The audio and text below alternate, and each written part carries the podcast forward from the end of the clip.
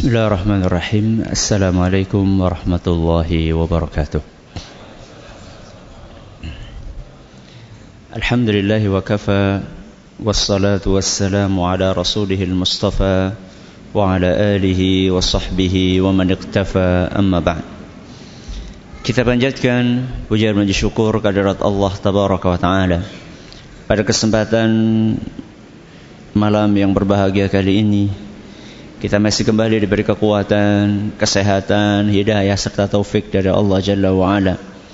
Sehingga kita bisa kembali menghadiri kajian rutin akhlak dan adab kita ini di Masjid Jenderal Sudirman Purwokerto. Kita berharap semoga Allah Subhanahu wa taala berkenan untuk melimpahkan kepada kita semuanya ilmu yang bermanfaat sehingga bisa kita amalkan sebagai bekal untuk menghadap kepada Allah Jalla wa Ala. Allahumma amin. Salat dan salam semoga senantiasa tercurahkan kepada junjungan kita Nabi besar Muhammad sallallahu alaihi wasallam kepada keluarganya, sahabatnya dan umatnya setia mengikuti tuntunannya hingga akhir nanti. Para hadirin dan hadirat sekalian yang semoga senantiasa dirahmati oleh Allah dan juga segenap pendengar radio Insani 102,2 FM di Prokerto, Purbalingga, Banjarnegara, Cilacap, Wonosobo, Kebumen dan sekitarnya juga para pemirsa Yufi TV yang semoga senantiasa dirahmati oleh Allah Azza wa Jal. Pada pertemuan terakhir kita sudah memasuki pembahasan tentang hadis yang kedua yang disebutkan di dalam Kitabul Jami' di dalam Bulughul Maram karya Imam Ibn Hajar Al-Asqalani yaitu hadis Nabi sallallahu alaihi wasallam yang memerintahkan kita untuk melihat ke mana? Ke bawah dan tidak melihat ke atas. Dan kemarin sudah kita jelaskan maksud bawah dan atas itu dalam hal apa? Masih ingat? Dalam apa? Dalam masalah harta dunia. Jadi Nabi Shallallahu Alaihi Wasallam berpesan kepada kita, kalau dalam masalah dunia lihatlah ke mana? Bawah. Jangan ngelihat ke atas. Dan kemarin sudah kita janjikan bahwa malam hari ini kita akan membahas kenapa kok Nabi kita Muhammad Sallallahu Alaihi Wasallam kalau dalam urusan dunia kita suruh ngelihat ke bawah bukan ngelihat ke atas. Apa hikmah di balik perintah Nabi kita Muhammad sallallahu alaihi wasallam ini? Sebelum kita bahas, kita perlu faham bahwa atas bawah kaya miskin. Rizki lancar, rizki seret. Itu adalah merupakan sunnatullah alias memang Allah sudah tetapkan di dunia ini ada orang kaya dan ada orang miskin.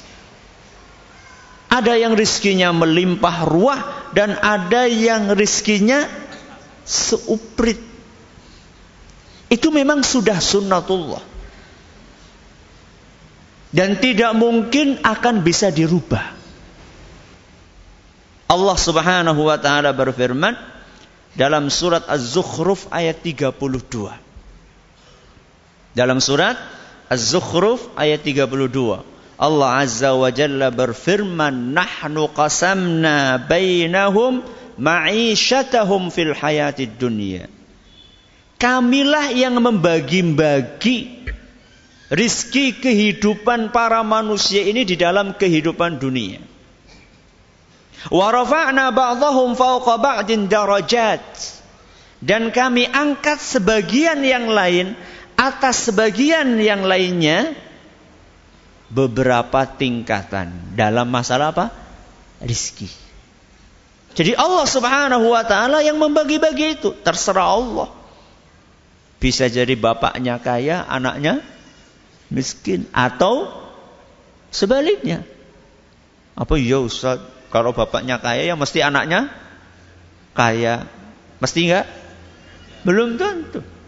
Ada yang bapaknya kaya raya, anaknya miskinnya pol. dan ada bapaknya kaya, eh bapaknya miskin, anaknya kaya. Terserah Allah Subhanahu wa taala. Bahkan ada orang yang kembar siam. Yang satunya kaya, yang satunya miskin, terserah Allah Subhanahu wa taala. Kenapa Ustaz? Kok Allah menjadikan ada yang kaya, ada yang miskin? Kenapa kok tidak kaya semua gitu? Kalau kaya semua kira-kira enak nggak? Masa nggak enak? Jenengan coba sekarang, panjenengan Tentunya di sini kan ekonominya bertingkat-tingkat kan ya.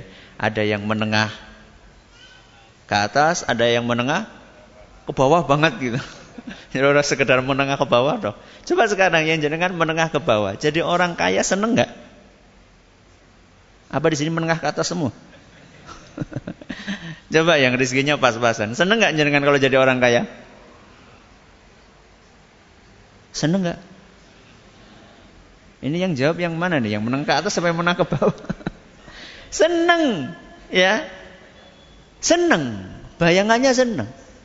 Akan tetapi, apakah ketika kita jadi orang kaya, sebelumnya kita miskin, kemudian ternyata setiap orang miskin yang minta kaya, semuanya jadi orang kaya, apakah hidup kita akan seneng?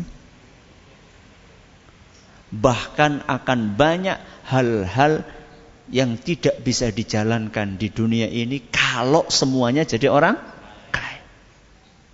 Kok bisa Ustaz? Iya. Ayat yang tadi saya baca, surat apa tadi? Az-Zukhruf. Ayat berapa? 32. Setelah Allah Subhanahu wa taala menjelaskan bahwa manusia itu berkelas-kelas kekayaannya, Allah sebutkan salah satu hikmahnya. Apa kata Allah? liyattakhidha ba'duhum ba'dhan sukhriya. Kami jadikan rizki kalian berkelas-kelas itu agar kalian bisa saling memanfaatkan. Saling apa? Memanfaatkan. Kalau semuanya kaya, siapa mau siapa yang mau jadi buruh kita butuh sama buruh nggak? Butuh. Siapa yang mau jadi kuli? Kita butuh kuli nggak? Butuh. Butuh. Kita bangun, siapa yang mau bangun kalau bukan kuli? Siapa yang mau jadi pembantu? Butuh pembantu nggak? Butuh. Siapa yang mau jadi tukang sapu? Siapa yang mau jadi tukang pel? Siapa yang mau jadi ini dan itu? Kalau misalnya tidak ada orang miskin. Jadi Allah Subhanahu wa taala ketika menciptakan manusia ada tingkatan-tingkatannya, itu pasti ada hikmahnya. Maka jangan sampai kita menolak sunnatullah tersebut dan pengen membuat semuanya satu level. Ada sebagian pemikiran ya, yang memang mereka itu pengen membuat hal tersebut. Jadi dia bikin ekonomi semua orang itu sama. Gak bisa. Itu sudah sunnatullah. Itu sudah ketetapan Allah sebelum diciptakannya langit dan bumi. Allah sudah menetapkan bahwa nanti di dunia ini ada yang kaya, ada yang miskin. Berarti hikmahnya apa? Ada saling memanfaatkan. Take and give. Ada hikmah yang lain? Apa coba? Hikmah ada kaya, ada miskin. Supaya ada zakat, infak, sodakoh. Kalau misalnya nggak ada orang miskin, siapa yang mau ngambil zakat? Ada sebagian orang, walaupun ada juga sebagian orang sing wis sugih pengen oli raskin. Bener apa orang gue? Lah iyalah, wong dari atas seharusnya orang miskin dapat berapa? Asline oli pira? 10 atau 15 kilo. Turunnya dapatnya berapa? 3 kilo sebagian daerah. Kenapa? Sing sugi orang dua izin. Ya. Itu berarti ini malunya sudah apa? Sudah meh pudar ya. Kalau tidak bisa kita katakan sudah hilang. Akan tetapi orang yang masih punya rasa malu, ketika dikasih zakat, dia akan, loh, nyung yo dongane ngewei utuh apa? Utuh diwei. Seandainya semuanya orang kaya, maka zakat kita mau disalurkan ke mana? Sodakoh kita mau disalurkan ke mana? Infak kita mau disalurkan ke mana? Semuanya sudah kaya. Ini hikmahnya. Akan tetapi walaupun berkelas-kelasnya kekayaan para manusia itu ada hikmahnya. Akan tetapi kita jangan lupa bahwa bertingkat-tingkatnya ekonomi masyarakat itu bisa memicu dampak negatif. Apa itu? Kecemburuan sosial. Jadi di satu sisi ada hikmahnya, tapi di sisi lain akan menimbulkan kecemburuan sosial. Yang miskin cemburu sama yang kaya. Dan di sisi lain juga akan menimbulkan kesombongan dari yang kaya. Nah terus gimana Ustaz? Gak usah khawatir. Allah itu maha tahu. Allah itu maha bijak.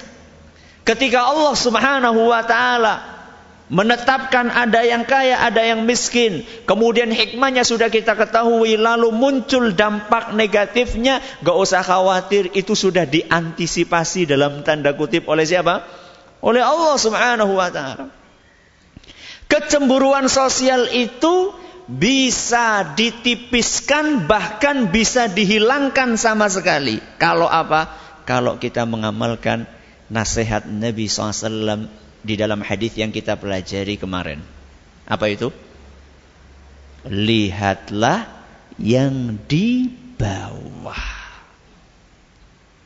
Orang cemburu itu karena ngelihat yang di atas. Ya. Kita nggak nerimo sama istri kita. Kenapa? Jening bojoku rayu ya. Kenapa? Karena matanya tidak mengikuti aturan agama. Aturan agama nyuruh mata ini supaya supaya apa? Ora jelalatan. Kenapa timbul perasaan jeneng bojoku ora ayu ya? Lawong saben dina nonton sinetron. Sinetron ya rata-rata sing ditokaken wong sing ayu-ayu. Kecuali kalau yang muncul pembantu, ya. Itu mungkin akan ditampilkan orang, tapi kalau yang dimunculkan adalah tuan rumah, istrinya anu, istrinya anu, ya pasti dipilih yang cantik-cantik. Setiap hari melototi itu ya wajar kalau kemudian ketika pulang ke rumah, jeneng bojoku ora kayak kaya. Ya begitulah. Ketika kita tidak ikuti aturan agama, hidup kita tidak akan nyaman. Maka kecemburuan sosial tadi bisa dihindari ketika kita mengamalkan aturan Nabi SAW. Dan ketika seorang mengamalkan aturan Nabi Sallallahu Alaihi Wasallam tadi, maka hatinya akan tenang. Hatinya akan tenang. Hatinya akan tenang, akan tentram ketika dia selalu melihat ke bawah. Karena apa? Sesulit-sulit apa pun hidup kita, pasti ada yang lebih sulit dibandingkan kita. Sesial-sial dalam tanda kutip nasib kita, pasti ada yang lebih apa? Sial dibandingkan maka jangan sekali-kali jenengan ngomong nyong wong sing paling sial. Ora mungkin. Ustaz, masa nggak mungkin? Buktinya nyong nganti seprene. Sudah berusaha melamar. Sekian banyak wanita selalu di ditolak. Bayangkan Ustaz, usia saya sudah sudah kepala empat sekarang, sudah jadi bujangan apa? Lapuk banget. Ini apa nggak paling sial subhanallah. Apa jenengan nggak pernah dengar ada orang sampai usia 60 tahun nggak nikah? Jenengan kan baru berapa? 40 tahun. Kemudian saya tanya, jenengan katanya paling sial. Iya, saya paling sial. Kenapa? Sampai 40 tahun saya ditolak di mana-mana. Taib. Sekarang jenengan bisa ngeliat nggak? Bisa. Bisa dengar nggak? Bisa. Bisa ngomong? Bisa. Bisa dandan? Bisa. Ketika ngelamar ke mana-mana naik apa? Naik motor. Motornya apa? Ya lumayan Ustaz. Kayak gitu masih ngomong sial. Apa anda nggak pernah ngelihat orang yang seperti jenengan ditolak di mana-mana karena nggak punya mata, nggak punya telinga, nggak bisa ngomong? Jenengan masih mending. Ditolak di mana-mana masih bisa ngelihat, masih punya punya mata, telinganya masih bisa buat dengar, mulutnya masih bisa buat ngomong, ke mana-mana masih pakai motor. Berarti masih ada yang lebih susah dibandingkan jenengan. Kenapa kita nggak ngelihat kelebihan yang kita miliki, yang tidak dimiliki sama orang lain? Itulah yang akan membuat hati kita menjadi tentram dan tenang. Kisah menakjubkan. Seorang ulama yang julukannya Abu Kilabah. Siapa? Abu Kilabah. Nama aslinya Abdullah ibnu Zaid al-Jarmi. Beliau seorang ulama yang wafat pada tahun 104 Hijriah. Dikisahkan ada seorang tentara yang ditugasi oleh kerajaan saat itu untuk jaga di daerah pinggiran untuk mengantisipasi seandainya ada apa? serangan musuh. Ketika dia sedang patroli, tahu-tahu dia memasuki suatu wilayah yang mungkin baru pertama kali dia masuki, dia melihat ada sebuah tenda. Sudah sobek-sobek, kumuh tenda tersebut. Dan kelihatan tenda itu sudah lama. Maka dia pun bertanya di dalam hatinya, ini siapa kok mendirikan tenda di sini? Apa seorang musafir lewat sini, kemudian dia bikin tenda, terus dia apa? Ditinggalin. Siapa yang mau hidup di tengah padang pasir seperti ini? Maka dia pun penasaran, dia deketi tenda tadi. Ketika dia semakin dekat, dia mendengar ternyata di dalamnya ada orang sedang berdoa. Sedang apa? Berdoa.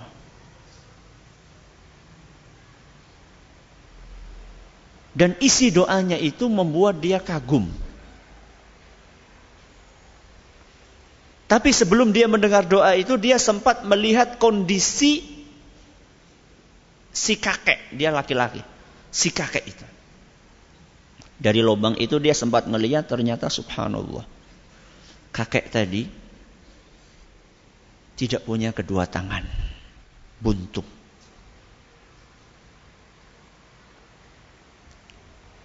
Kakinya juga sama, buntung. Matanya buta. Telinganya, pendengarannya hampir hilang. Hampir tuli. Satu-satunya anggota tubuh yang masih berfungsi adalah lisannya. Dia mendekat, kemudian dia dengar kakek itu sedang berdoa kepada Allah. Apa isi doanya? Ya Allah, bantulah aku agar aku bisa bersyukur kepada. Apa isi doanya? Ya Allah, bantulah aku agar aku bisa bersyukur kepadamu. Sungguh nikmat yang engkau berikan kepadaku sangat banyak.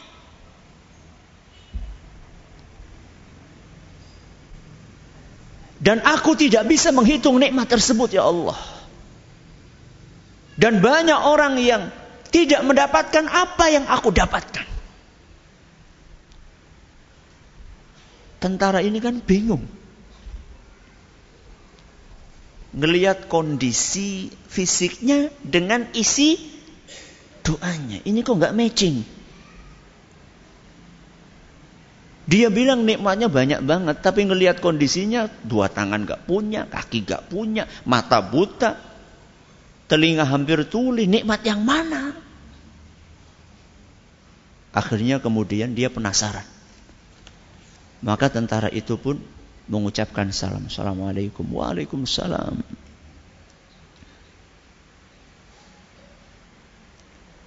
Mohon maaf, boleh saya bertanya? Silakan.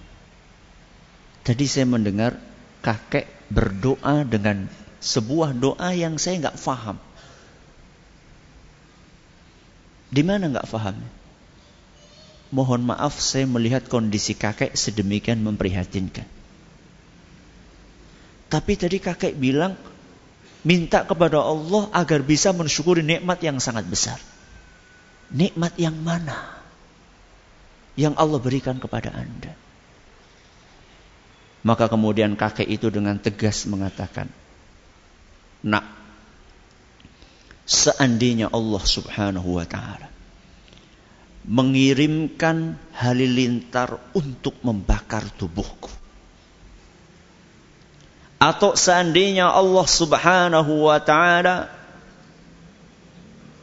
mengirim gunung-gunung untuk menindih tubuhku atau seandainya Allah subhanahu wa ta'ala membelah bumi. Kemudian aku ditenggelamkan di dalamnya. Niscaya apa pun yang Allah perbuat kepadaku tidak akan menambah kecuali rasa syukurku kepadanya. Karena sungguh aku masih Allah karuniai lisan yang dengannya aku bisa membaca Al-Quran yang dengannya aku bisa berzikir setiap saat kepada Allah Subhanahu wa adalah adakah nikmat yang lebih besar dibandingkan nikmat ini? Gak bisa ngomong tentara tadi. Alhamdulillah nak kamu datang ke sini. Aku mau minta bantuan kepadamu nak. Apa itu kakek? Saya siap. Apa yang ingin kamu butuhkan dariku? Nak, kamu melihat kondisiku seperti ini. Gak punya tangan, gak punya kaki. Gak bisa melihat. Sehingga aku tidak bisa melakukan aktivitas harianku kecuali dengan bantuan orang lain. Dan satu-satunya yang membantuku adalah anakku semata wayang. Kalau aku lapar, dialah yang menyuapiku. Kalau aku haus, dialah yang mengambilkan air untukku. Kalau aku mau sholat, dialah yang mewuduiku. Akan tetapi nak, anakku ini sudah tidak pulang ke tenda ini tiga hari tiga malam.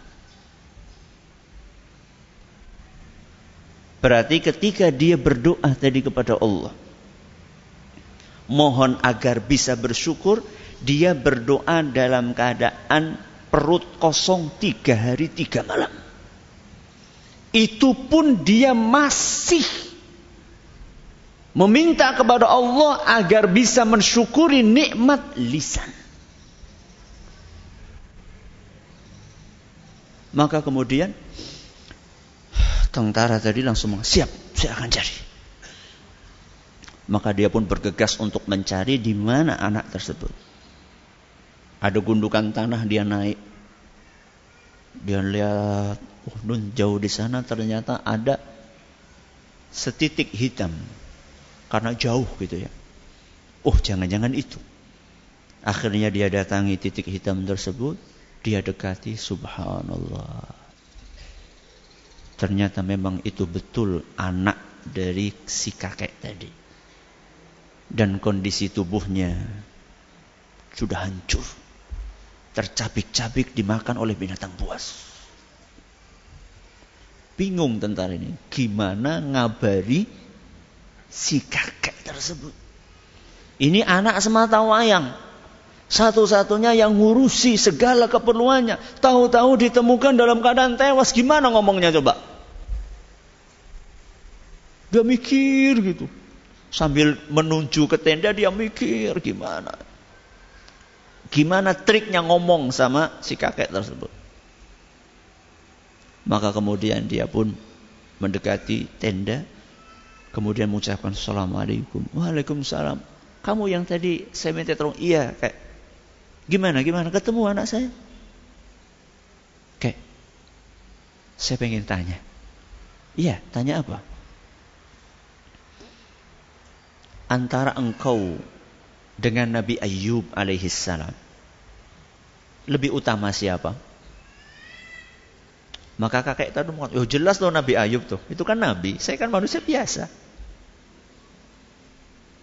Kakek tahu apa ujian yang Allah timpakan kepada Nabi Ayub. Saya tahu persis. Apa ujiannya kek? Dia diuji oleh Allah dengan penyakit di kulitnya.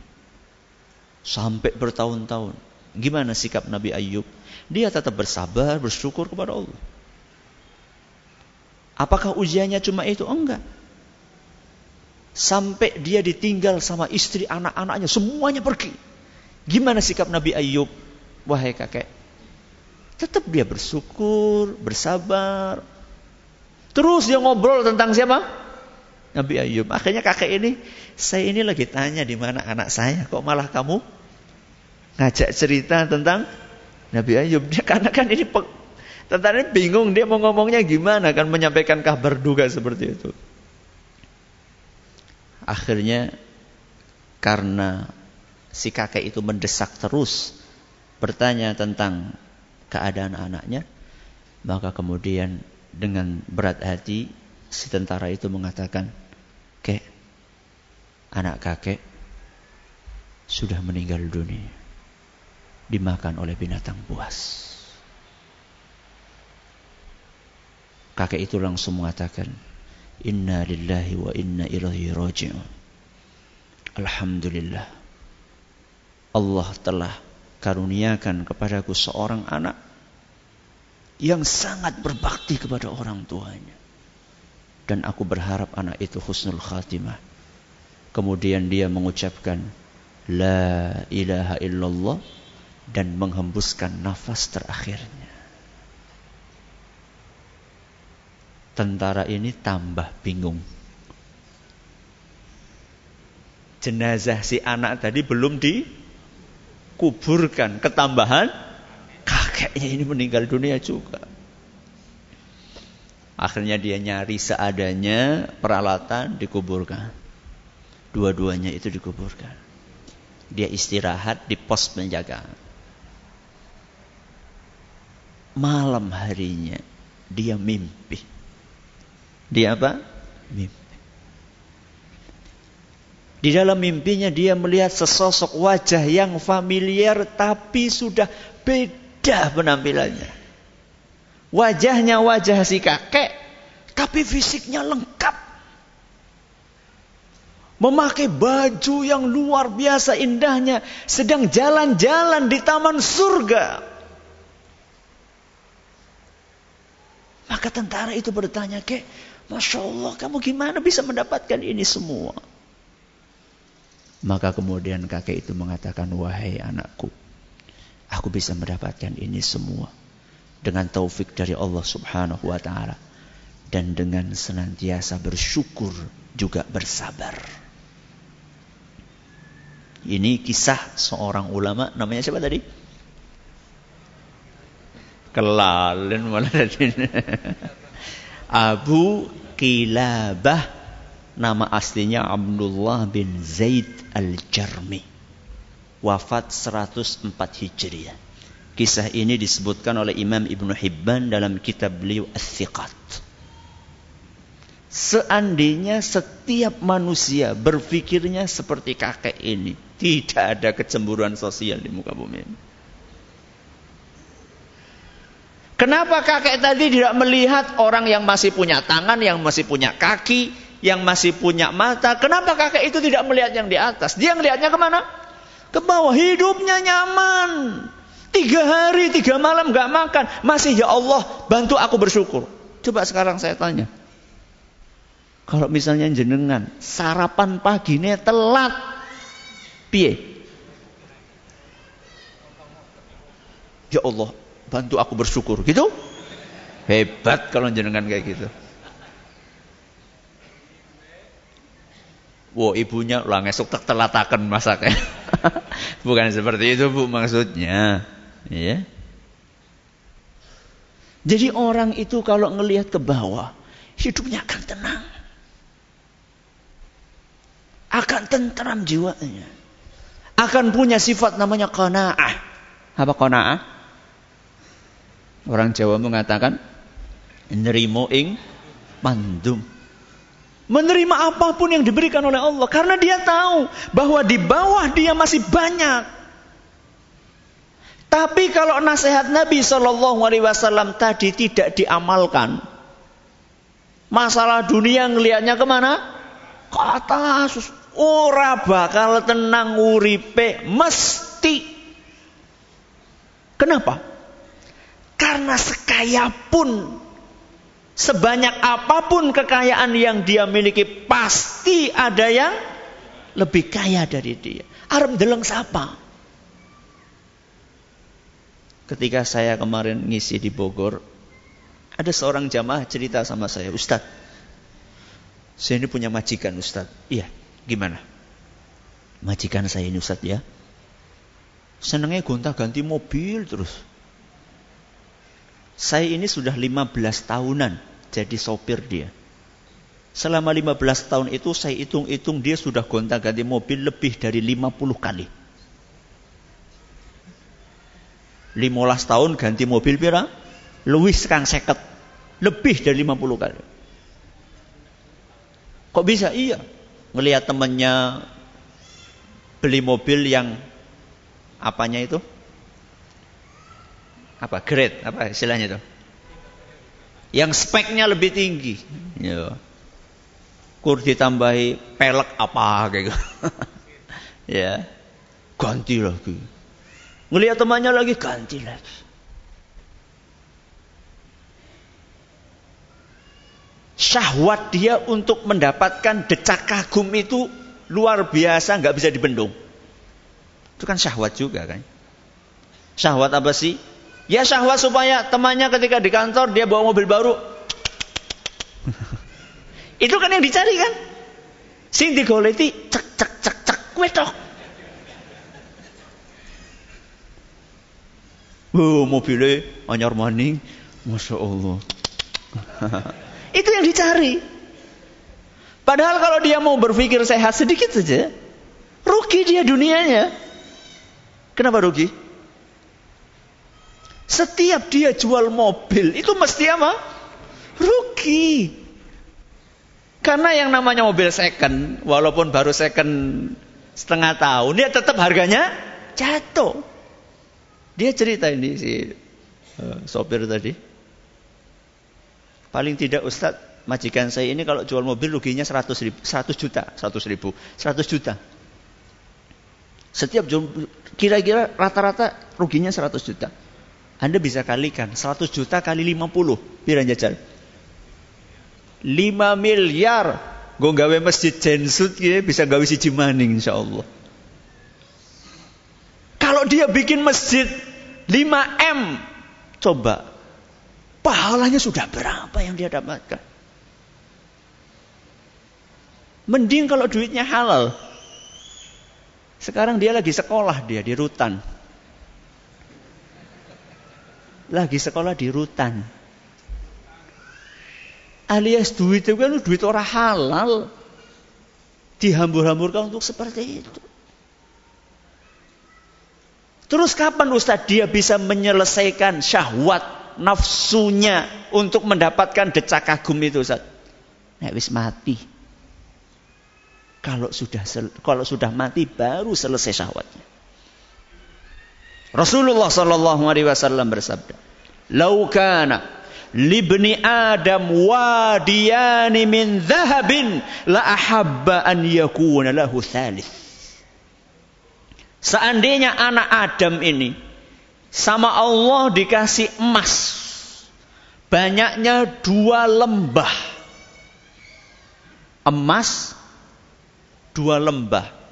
Lembah sih kayak ngapa? Wis bingung lembah alun-alun Kalau seandainya anak Adam manusia itu dikasih emas rong alun-alun, gue bisa nggak tuku seket mobil apa luwih? Oh, jangan mobil se karo pabriken jangan dituku. Orang mobil pabriken dituku. Emas kok lebarnya dua alun-alun. Kalau dikasih sama Allah dua alun-alun emas, la batagha dia akan minta alun-alun yang ketiga. Anak Adam itu memang maaf rakus. Terus berhentinya kapan? Wala yamla'u illa turab. Satu-satunya yang menghentikan dia ketika mulutnya sudah terisi tanah. Alias nek wis mati. Ustaz, saya dan panjenengan ini kan manusia, betul? Betul nggak? Ada yang